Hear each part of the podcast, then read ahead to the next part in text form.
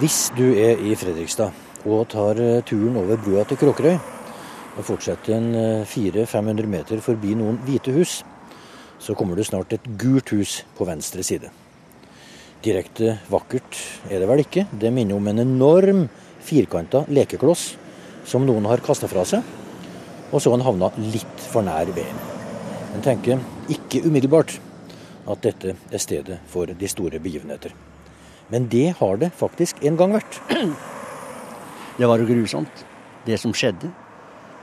Dette er Folkvang, lokalet der statsminister Enar Gerhardsen den 29.2.1948 beskyldte kommunistene i Norge for å være Sovjetunions håndlangere. Splittelsen i arbeiderbevegelsen var et faktum, og for kommunistene ble det starten på 30 år med overvåking. Odd Ragnar Kristiansen er i dag 72 år og var en av de fremste kommunistene på Kråkerøy på 50-tallet. Huset her det kommer til å stå som garasjens Kråkerøy-tale så lenge jeg lever. Og ikke bare meg. Her begynte jo selve, selve den antikommunistiske kampen. Den kalde krigen starta jo her med hans tale. Odd Ragnar Kristiansen har fått 50 000 kroner for ulovlig overvåking. Det er det et fåtall som har fått av de over 30 000 norske kommunister som ble overvåka fra 1948 til ut på 70-tallet. Nå vil de ha en unnskyldning fra Stortingets talerstol. Stortingspresidenten må offentlig beklage ulovlig politisk overvåking i åra etter krigen, krever Organisasjonen mot politisk overvåking, OPO. Norsk Telegrambyrå 23. mars i år. Kravet blir støttet av flere kjente personer, blant andre tidligere statsminister Per Borten, professor Anders Brattholm og forfatterne Karsten Alnes og Linn Ullmann. Ja, altså Åra går jo, selvfølgelig. Men NKP har jo helt inn i senere året hatt 1. mai-arrangement her. Så, men det er klart, det som overskygger det hele, det er jo den bedrøvelige talen som statsminister Gerhardsen holdt den gangen. Og hvordan det starta? Jo, med den kalde krigen. Firing time, 20 seconds. We do not know how it's going to sound, but 42,000 men here are watching. Det er 30. juni 1946. Winston Churchill, nylig avgått som engelsk statsminister, har nettopp under sin tale i Fulton i USA varsla verden om at et jernteppe har senka seg over Europa.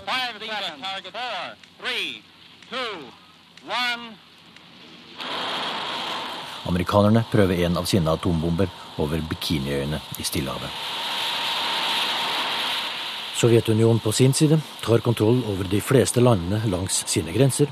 Romania, Bulgaria, Ungarn, Polen og altså Tsjekkoslovakia. Og den 26. februar 1948 viser Arbeiderbladet til Tsjekkoslovakia på første side kommunistenes statskupp gjennomført. Søndag morgen, skuddårsdagen den 29. februar. Formannen i Arbeiderpartiet og Norges statsminister Einar Gerhardsen setter seg på toget til Fredrikstad for å forberede talen senere på dagen. Han frykter en tredje verdenskrig. Den kommunistiske maktovertakelsen i Tsjekkoslovakia var tungen på vektskåla.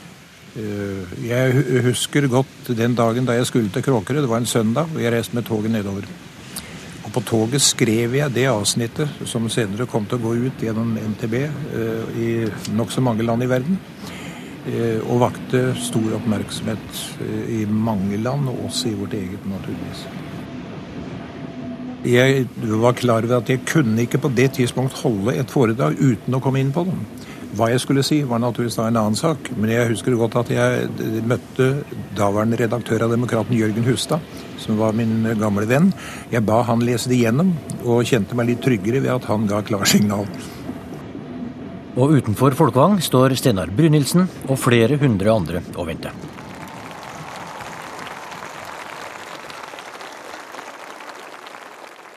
De kom spaserende nedenfra fra syd på helt ved Bjølstad ferjested og gikk oppover. Og, og, det var en hel gjeng som fulgte etter, vet du.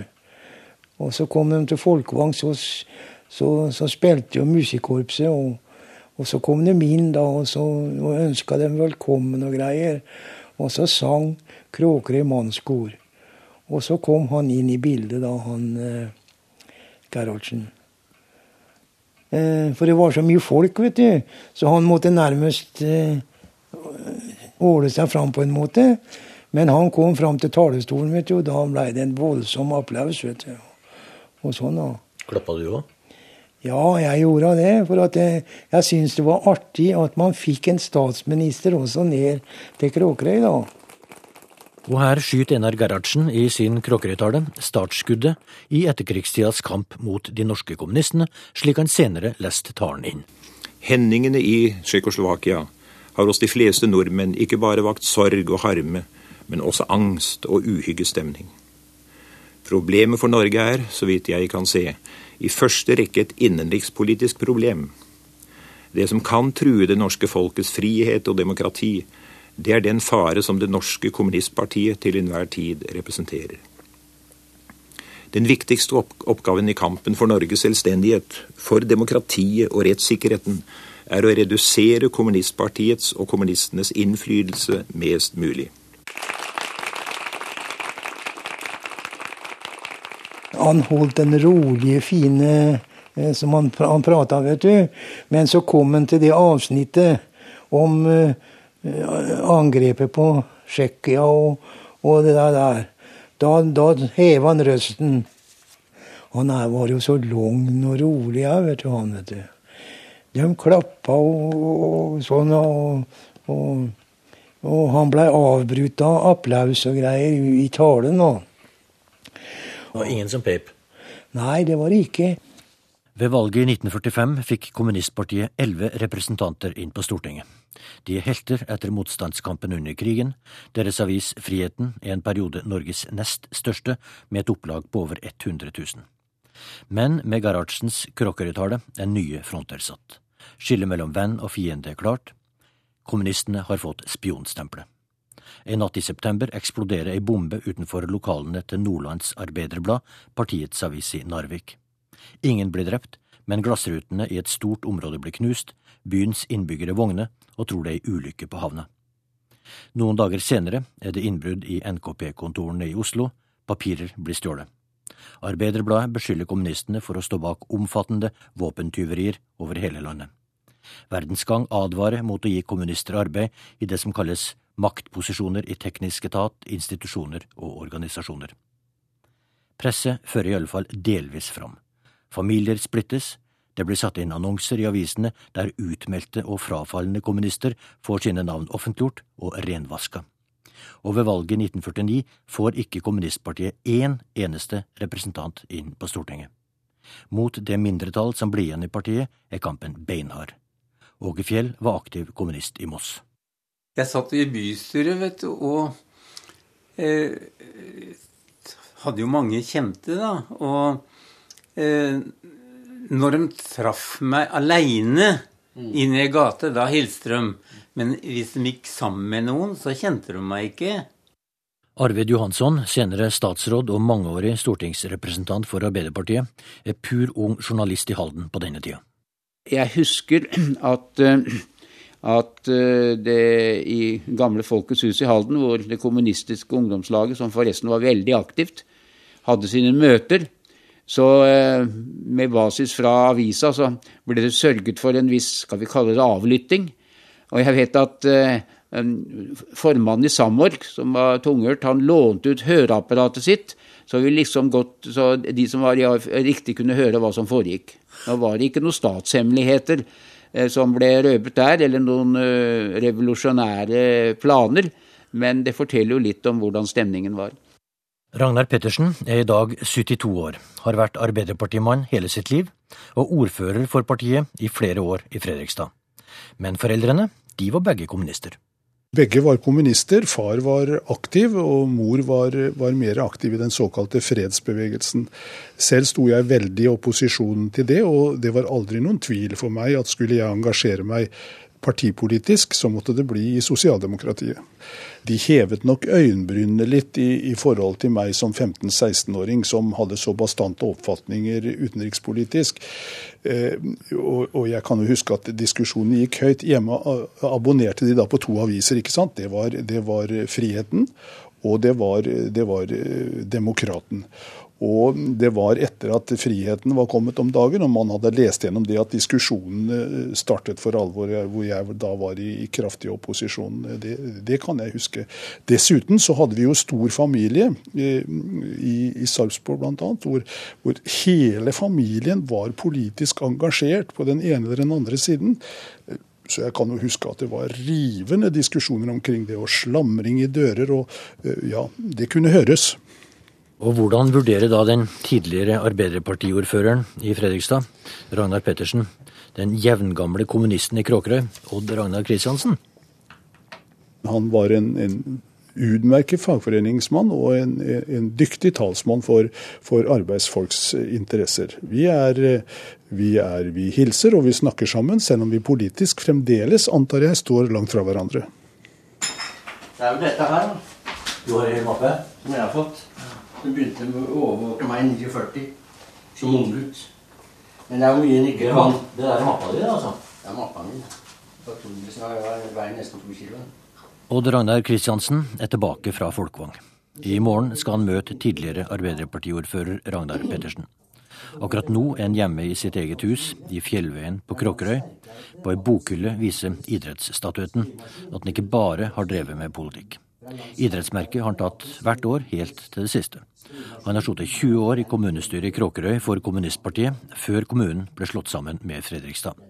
Av fag sveiser, tidligere overformann og mangeårig tillitsvalgt ved Fredrikstad Mekaniske Verksted, med en mappe som veier to kilo. Jeg flytta hit på Kråkerøy i 51, og blei valgt inn i kommunestyret her på Kråkerøy i, ja, i midten på 50-tallet.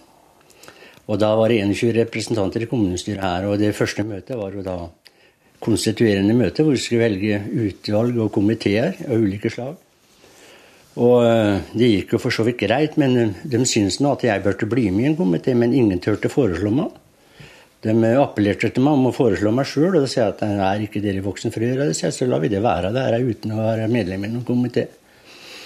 Og det endte da med at en av Arbeiderpartiets representanter skrev ned en lapp, leverte på ordførerens bord, med det til følge at jeg ble valg, enstemmig valgt inn i ungdoms- og idrettsnemnda her på Kråkerøy. Og hele den situasjonen, altså, det beviser at ingen turte reise seg opp og foreslå en kommunist. Men etter, etter dette her vi, vi hadde jo for relativt sterke partilag og ungdomslag, men vi hadde behov for å annonsere våre møter. Og det ble nekta inntatt i Demokratene under Jørgen Hustads tid. Du fikk ikke sette deg inn i annonser som du skulle betale for. Så ille var dette Gerhardsens kråketale. This is Hungary calling. This is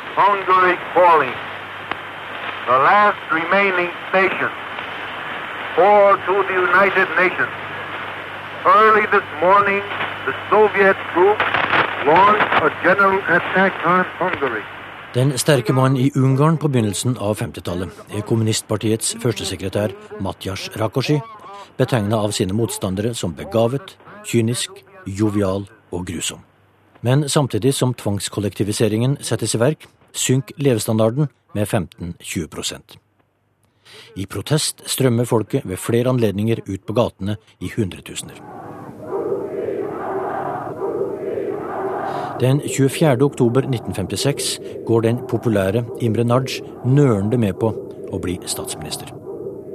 Også russerne nøler.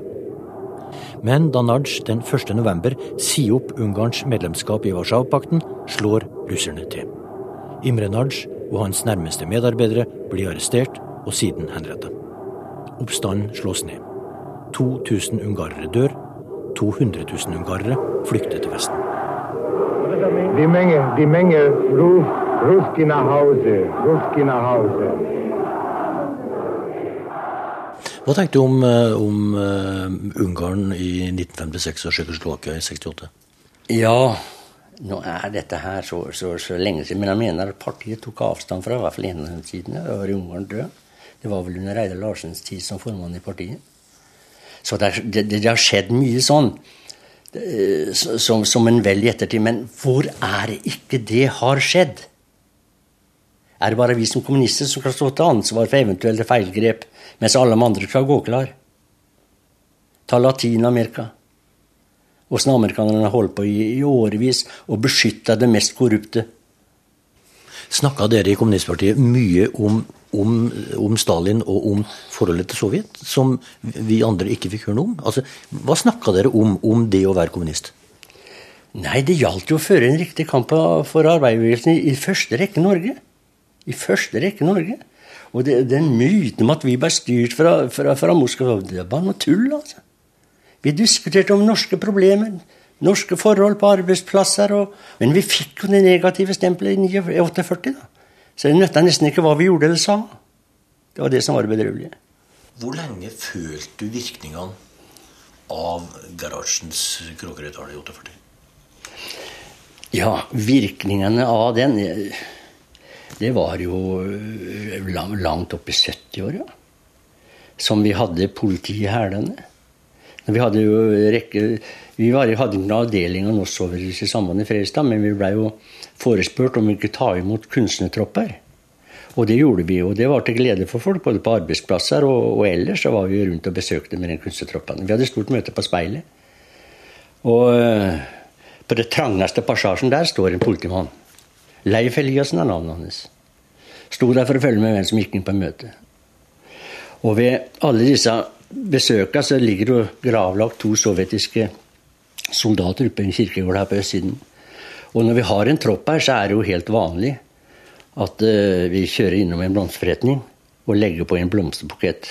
At de gjør det for sine egne landsmenn som ligger her i Norge. Vi steller pent med den grava. Og jeg, Vi hadde en liten minibuss, og jeg gikk ut av bussen inn i Anders blomsterforretning i Gamlebyen. Kom ut, så står en politimann en meter fra meg. Men altså, sånn har vi blitt. Og den folkevogna B1300 den forfulgte oss overalt. Langt inn i 70-tallet. Var vi på Fredrikstad verksted, da hadde vi, hadde vi to ganger var kunstneropphold på Fredrikstad. Dessverre spisesalen. Ja, det var vel 1500-1600 mennesker. Folk sto langs veggene. Og da sto politibilen utafor. B1300 og venta på skulle følge oss videre når vi kom ut. Og Ragnar Kristiansen leser fra mappa si. Altså klokka 10.15.50 kom jeg ut av huset og mens han leide et lite barn, han, gikk han fram og tilbake på veien utenfor huset. Da begynte å lysne om morgenen, var samtlige persiener trukket for, og alt var stille i og rundt huset. Klokken 8.40 kom da kona mi ut på trappen og ristet gultepper, og hadde da god oversikt i begge retninger på veien utenfor. Og det er klart, det, er ikke noe, det må ha vært en permanent der, en politimann. permanent som har fulgt med hele døgnet han var her. Så du ham da han var her? Visste du det? Jeg vet det i ettertid.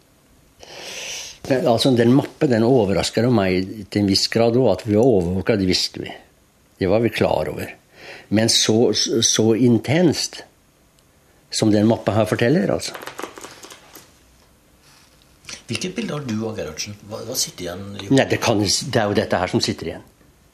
Det hjelper ikke, og, og mye godt han har gjort ellers. Her var det jo tusener av mennesker som var ramma, altså, som hadde ærlige og oppriktige hensikter med sitt politiske engasjement og ærlig og, og skikkelig overbevisning. Så det er klart at det inntrykket sitter vil aldri fjerne seg. I perioden fram til 1965 var kartleggingen av kommunistisk virksomhet og registreringen av kommunister svært omfattende. Fra Lund-kommisjonens rapport om ulovlig overvåking av norske borgere. I et notat fra desember 1973 til overvåkingssjefen opplyses at observasjonsarkivet inneholder saker på ca. 39 000 norske borgere.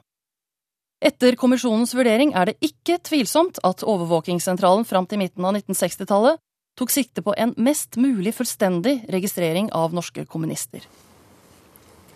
Du Kan jeg få by deg et stykke kake? Ja, si tusen takk. Ja. Oi, oi, oi, skal jeg hjelpe deg? Det går, det går bra. Det går bra.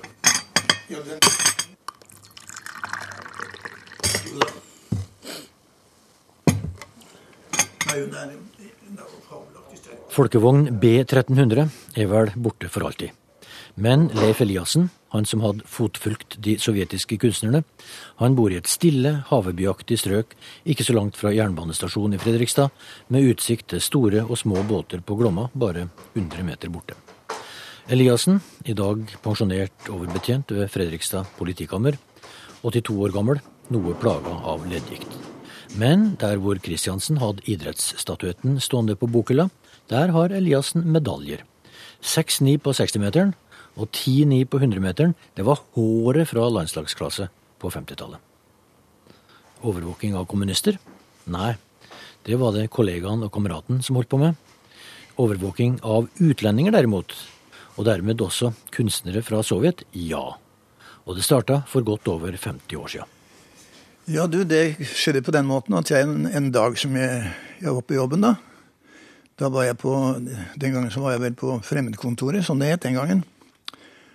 Og så, så ringte politimesteren og lurte på om jeg kunne komme ned på kontoret hans. da. Og det gjorde jeg. Gikk ned på kontoret hans, og der satt det en kar som ikke jeg kjente. Jeg aldri sett den før. Så presenterte han meg da for denne karen, og han het Asbjørn Bryn. Og eh, vi snakket sammen løst og fast om all verden tingen.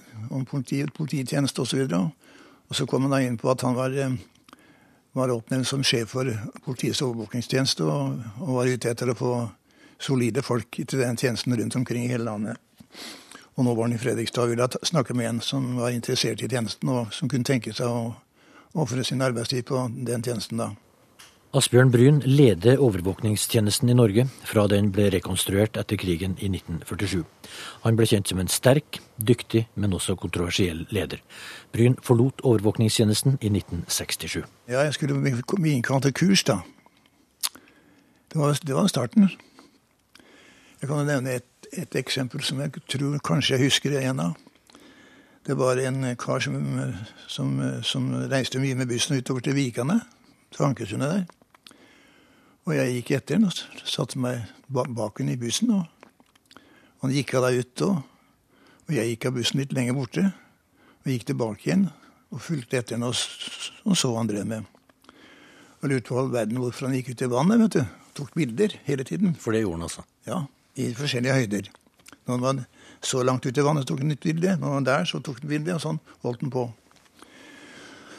Og da, for å si det på gammelt godt norsk, da pådro han seg min, min, min mistankes eh, skjerpede aktsomhet. Og, eh, og, jeg ble mer ivrig. Fulgte den enda mer.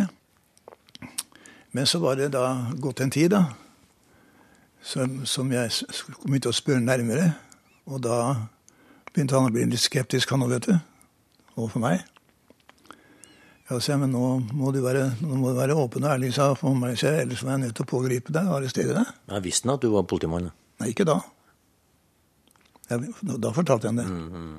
det, det tanken min var at du drev med spionasje. Og eh, jeg har snakket med sjefen min, sa han, han mente at vi burde pågripe deg og så avhøre deg nærmere.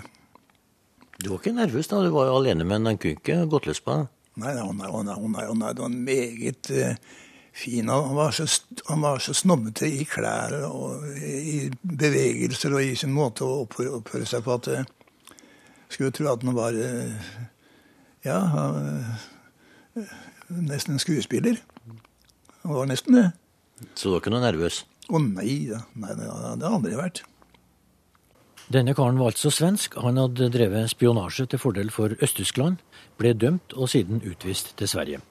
Det er det eksempelet Eliassen i dag husker, hvor hans overvåking faktisk har ført til dom. Overvåking av norske kommunister i Fredrikstad-området var det kameraten hans som drev. Korum het den. Så her i Fredrikstad så var det en som drev på med fremmedkontroll, og det var du, og så var det han Korum som drev på med, med overvåking av ja, kommunistene? Han, han tok seg av overvåkingen, ja. Korum døde for noen år siden. Han begynte i overvåkingstjenesten på begynnelsen av 50-tallet. Før det var han ansatt på Fredrikstad Mekaniske Verksted, der han jobba samtidig med kommunisten Odd Ragnar Kristiansen. Og han eh, var han som, som, som drev med såkalt overvåkingstjeneste, da. Men hva, hva, gikk den overvåkingstjenesten ut på? Altså, eh, For det første, er du overraska når Odd Ragnar Kristiansen sier at han husker navnet ditt? Ja, jeg vet, ikke, jeg vet jo ikke hvorfor han, at han husker navnet mitt, for jeg har jo aldri snakket med mannen. Jeg vet ikke hvem han er engang. Og hvordan han husker navnet mitt, er antagelig fordi at han var sammen med han kollegaen som jeg var, hadde, hadde overvåking. Og, eh, Men han, han, husker deg at du sto utafor et sted hvor det hadde vært eh, noe, noe eh, konsert og oppvisning av sovjetiske kunstnere, og så sto du ved en eh, en uh, folkevogn B1300 som man husker veldig godt nummeret på. Det er ikke umulig, for, for det var nettopp utlendinger som, jeg, som var mitt gebiet, vet du. Og da, for meg da var det bare da å påse at de gjorde det de sa de skulle gjøre. Og opptrede på scenen og gjøre sine, sine, sine opptredener der.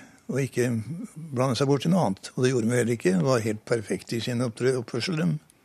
Hvilke samtaler var det om hvordan en skulle opptre eh, fra politiets side overfor kommunistene?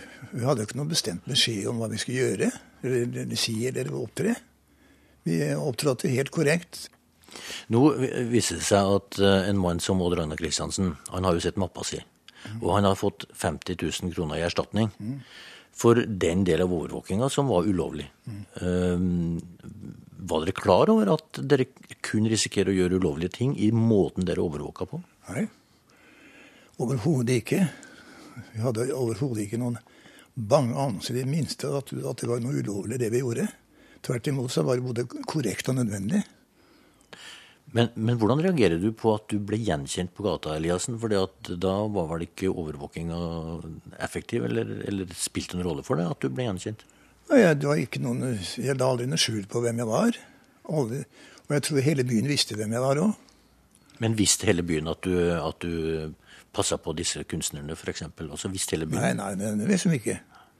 Det eneste som har spurt meg hva jeg drev med, da kona mi, tror jeg. Hun lurte på Jeg var til forskjellige tider på døgnet og lurte kanskje på om jeg var utro. Det er vel mulig at jeg fortalte det til henne den gang, ja, for at hun skulle vite at ikke kunne ha mistanken skjerpede blikk mot meg at jeg kunne drive med noe kvinnfolk og noe greier, kanskje. For jeg var ute til alle døgnets tider, vet du. Og for at ikke skulle være mistenkelig, så fortalte jeg hva jeg drev med, og hvorfor jeg var ute. Det er det eneste jeg fortalte til, tror jeg. Hvor mange tok du? Hvor mange rettssaker ble resultat av din, din jobb? Det var beskjedent. Veldig beskjedent. Den, den, som jeg hadde mest med, var med, med retten, og det var han der karen som jeg fortalte, som snakka svensk, da, og kona var finsktalende. Har du fått noen anerkjennelse i politiet for den jobben du har gjort? Jeg ble spurt om jeg ville ha kongens fortjenestemedalje i sølv når jeg gikk av med pensjon. Og da takket jeg nei. Den lønna jeg har fått, så jeg har fått i kroner, og det setter jeg pris på. Det andre ting den interesserer meg ikke i det hele tatt.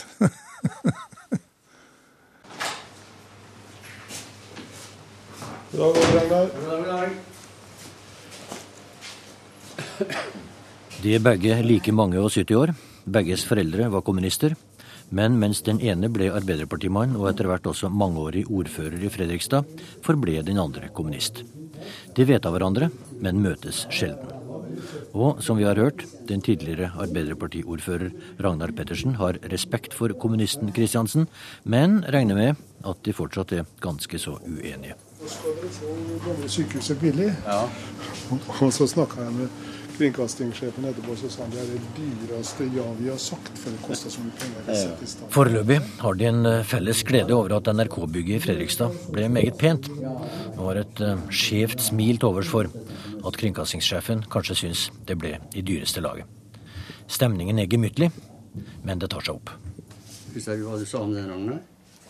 Om hva da? Jeg traff deg nede i byen. Vi hadde en liten prat, og så sier jeg til deg at uh, nå har jeg bestilt mappa mi, sier jeg. Ja, det og da riktig, sier du at du bryr deg om det. Ja, det, det Og her er hun. Ja, akkurat. Her er hun. Hele svineri. Men stridsspørsmålet mellom oss det er jo det om hvorvidt det skulle være noe mappe i det hele tatt. Og der skiller jo du og jeg lag fullstendig. For jeg mener det var aldeles nødvendig å, å ha, å ha en, en, et rapportsystem eh, på organiserte kommunister etter kuppet i Tsjekkoslovakia i 48. Ja, men det er jo der du tar så fullstendig feil. For i Tsjekkoslovakia så hadde jo sosialdemokratene og kommunistene hadde flertall i parlamentet og satte dem borgerlig på plass.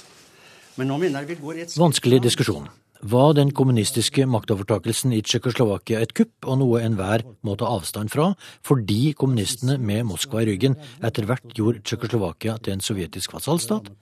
Eller var den kommunistiske maktovertakelsen som den skulle være, fordi de hadde et flertall i parlamentet bak seg da det skjedde? Men da kuppet i Tsjekkoslovakia kom i februar, da ble jo folk i Norge vettskremt. Ikke minst fordi at eh, stortingsmann Strand Johansen holdt et foredrag i Trondheim. hvor han sa at eh, det er all mulig grunn til å tro at vi i løpet av noen år vil ha et lignende folkedemokrati i Norge. Da ble jo folk oppskremt. Nei, ja, folk ble ikke oppskremt av det. Folk ble oppskremt av den hetsen dere satte i gang mot kommunistene, og det var trist, Ragne. Det var det tristeste øyeblikket i norsk arbeiderbevegelses historie. Og dette her førte da til at de begynte å overvåke meg i 49. Det var tråkig, vet du. Ja, visst var det tråkig, men det, er jo en kjensgjerning ja, at kommunistene Det er ikke en kjensgjerning at, at jeg burde ha den mappa her. Hva har jeg gjort? Jo, men poenget er Nei, det, det er at situasjonen i Nei, vi må bryte den ned i enkeltheter, og ikke sånn overfladisk snakk som du gjerne, driver med. gjerne, ja, da har du, ned i du har han Angel Simensen, la meg nå du har han Molteberg, og du har alle disse menneskene som har blitt forfulgt. De har sittet i fangenskap under krigen. Er det noe grunnlag for at vi skulle ha en sånn mappe? Ja. Det er spørsmålet. Det som nå skjer i Ungarn, er dypt tragisk. Vår glede over en utvikling mot større frihet og uavhengighet for det ungarske folk er avløst av sorg over at sovjetrussiske militære styrker har besatt Ungarn. Situasjonen innbyr ikke til fordømmelser. Den er for alvorlig til det. Men de ansvarlige i sovjetsamveldet må ikke være i tvil om at de opptrer i strid med en samlet verdensopinion hvis de nå med våpenmakt slår den ungarske frihetsbevegelsen ned. Min far var kommunist, som jeg tidligere har fortalt. Og han skilte ikke lag med kommunistene. Han forsvarte Tsjekkoslovakia, han forsvarte overfallet på Finland, han forsvarte delingen av Polen. Først i 1956 med kuppet i Ungarn så brøt han med kommunistene. Men poenget er jo det at hvis man ikke på det tidspunktet, etter de erfaringene man hadde gjort, hadde overvåket organiserte kommunister, så hadde man begått en embetsforsømmelse. En annen sak er at det pågikk antagelig for lenge. Hva skulle vi gjort? Hva skulle hva for noe gærent vi skulle oppnådd ved å ikke bli overvåka? Fortell meg det, Ragnar. Fortell meg. Det her står jeg. Åpen og ærlig foran deg. Hva er grunnlaget for det? Og jeg vil spørre deg, er du enig i disse menneskene her som krever en beklagelse på Nei. den mappa? Du er ikke enig? Nei. Nei. Og jeg kan gjerne si til deg, Odd Ragnar, jeg kjenner deg. Og jeg kjenner min far. Jeg vet at dem ikke kunne gjøre en flue fortred. Men poenget er at det kunne ikke myndighetene vite. Nei, men Ragnar, det er jo bare sånne som meg i parti. Nei. Det er jo bare sånne som meg. Det var jo, det var jo antifascister hele gjengen. Begynte med å dra til Spania og bekjempe Franco. Og siden fortsatte de. Og gjorde en Se her har de lagt hjemme rundt huset mitt. Og det forsvarer du. Ja, Nå vet vi jo ikke hvem som er urettmessig overvåket, og det kunne man ikke vite på det tidspunktet. Men at det pågikk for lenge, det er jeg enig i. Ja.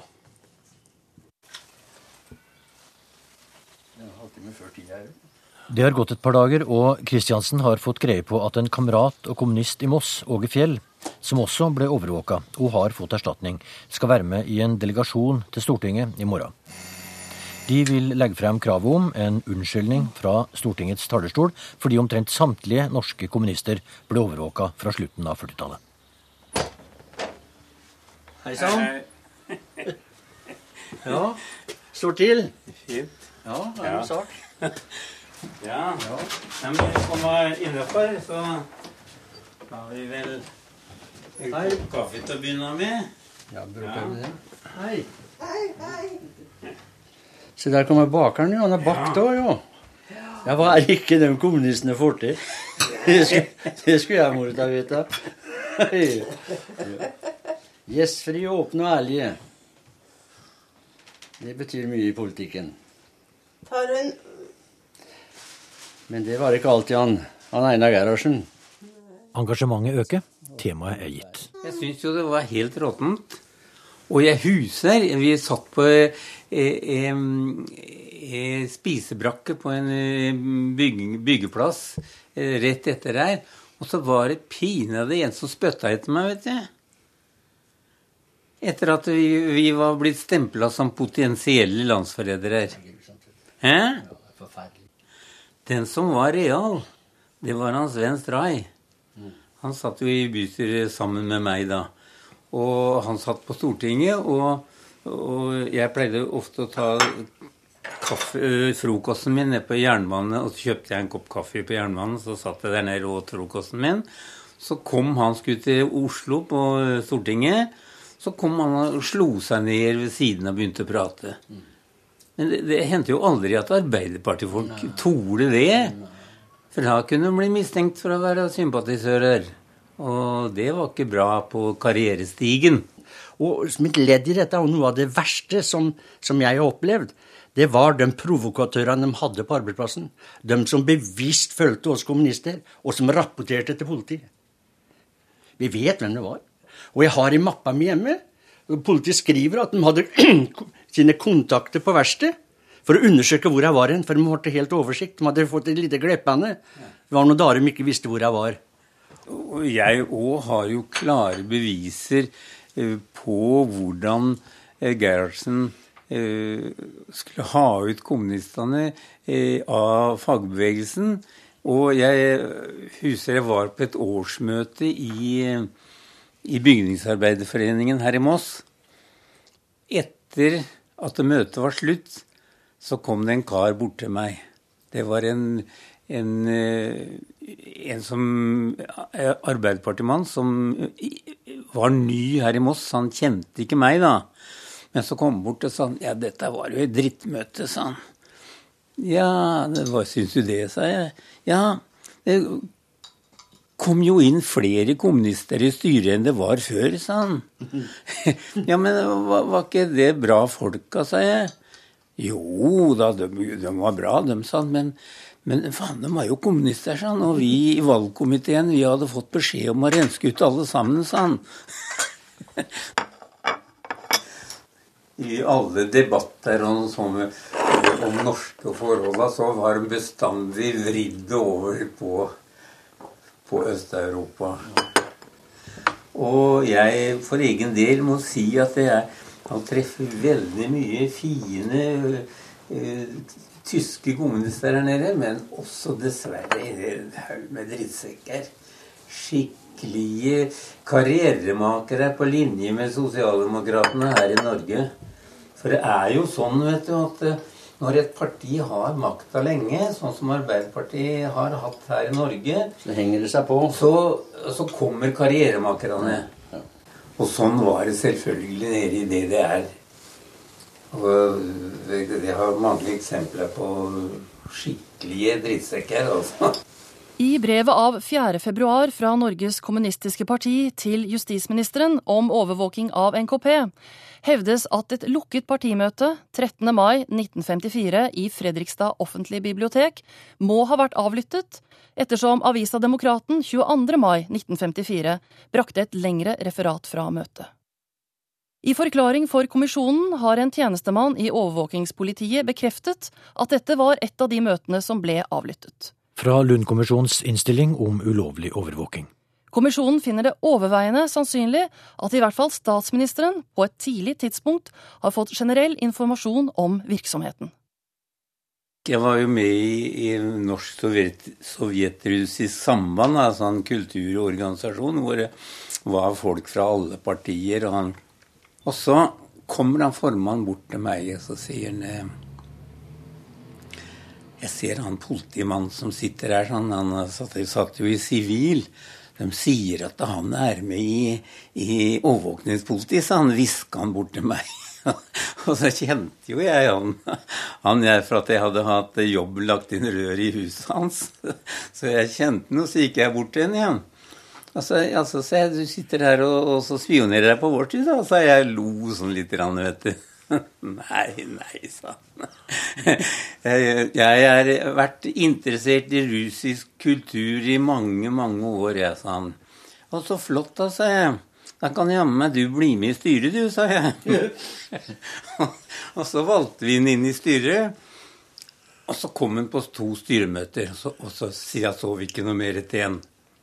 Men så når jeg åpna mappa mi, så står det der fullt referat fra det styremøtet. Snakker om, om snedige folk. Kaffen er drukket, kakene er spist, og Ragnar Kristiansen gleder seg til en liten ferie. Vi drar til, til fredagen. Og til fredagen? Da drar vi til Alicante. Mens Ågefjell altså skal til Oslo dagen etter. I morgen har vi fått foretrede for lederen av Stortingets eh, institusjonskomité. eh, hvor vi får legge fram saken vår, og håper jo da at eh, de vil gi oss den unnskyldninga fra Stortingets talerstol, slik at den kan bli kjent over hele landet.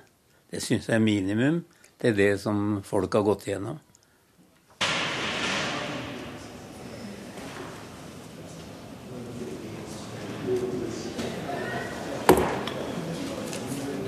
Stortingets møte er lovlig satt. Det er fastslått at det har foregått både ulovlig overvåking, instruksstridig registrering og også bruk av opplysninger i strid med instruksen overfor norske borgere. Kjell Engebretsen, Arbeiderpartiet, er nestleder i konstitusjonskomiteen og syns det her er en vanskelig sak.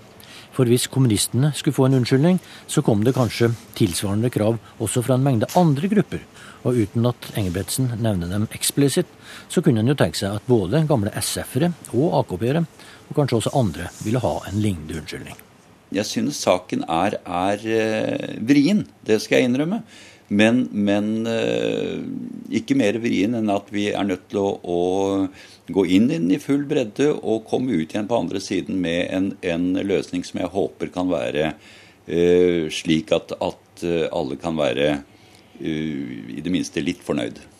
Engebretsen, nå er det slik at etter krigen så er anslagsvis mellom 25 og 30 kommunister dømt for spionasje. De fleste like etter krigen, og de fleste småsaker. Ingen ledende kommunister er dømt. Men samtidig så er over 30 000 kommunister overvåka fra 1947 og frem til midten på, på 70-tallet. Hvor mange enkeltpersoner mener du at en overvåkingstjeneste skal kunne overvåke, med den vage begrunnelse som, som gjaldt de norske kommunistene? Nei, jeg, jeg, kan naturligvis ikke angi noe som helst tall der og sånn. Og, og det jeg sier er at, at, vi erkjenner og ser i dag at det altså har foregått eh, overvåking som ikke skulle ha foregått. Men hva syns du om det forholdstallet? Altså 30 000 overvåka mot et bytte på under en promille. Ja, det, det, det, ja, nei, det høres jo helt, helt uh, utrolig ut.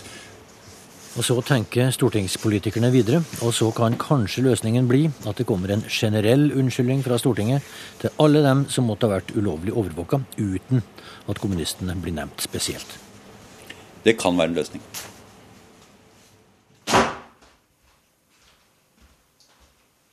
Og Odd Ragnar Kristiansen, ved første besøk så ville han ikke si det. Ved siste besøk kommer det fram. Kommunist, jo det er en, men ikke lenger medlem av partiet. Mitt medlemskap, om det ikke oppførte, så glei det gradvis ut.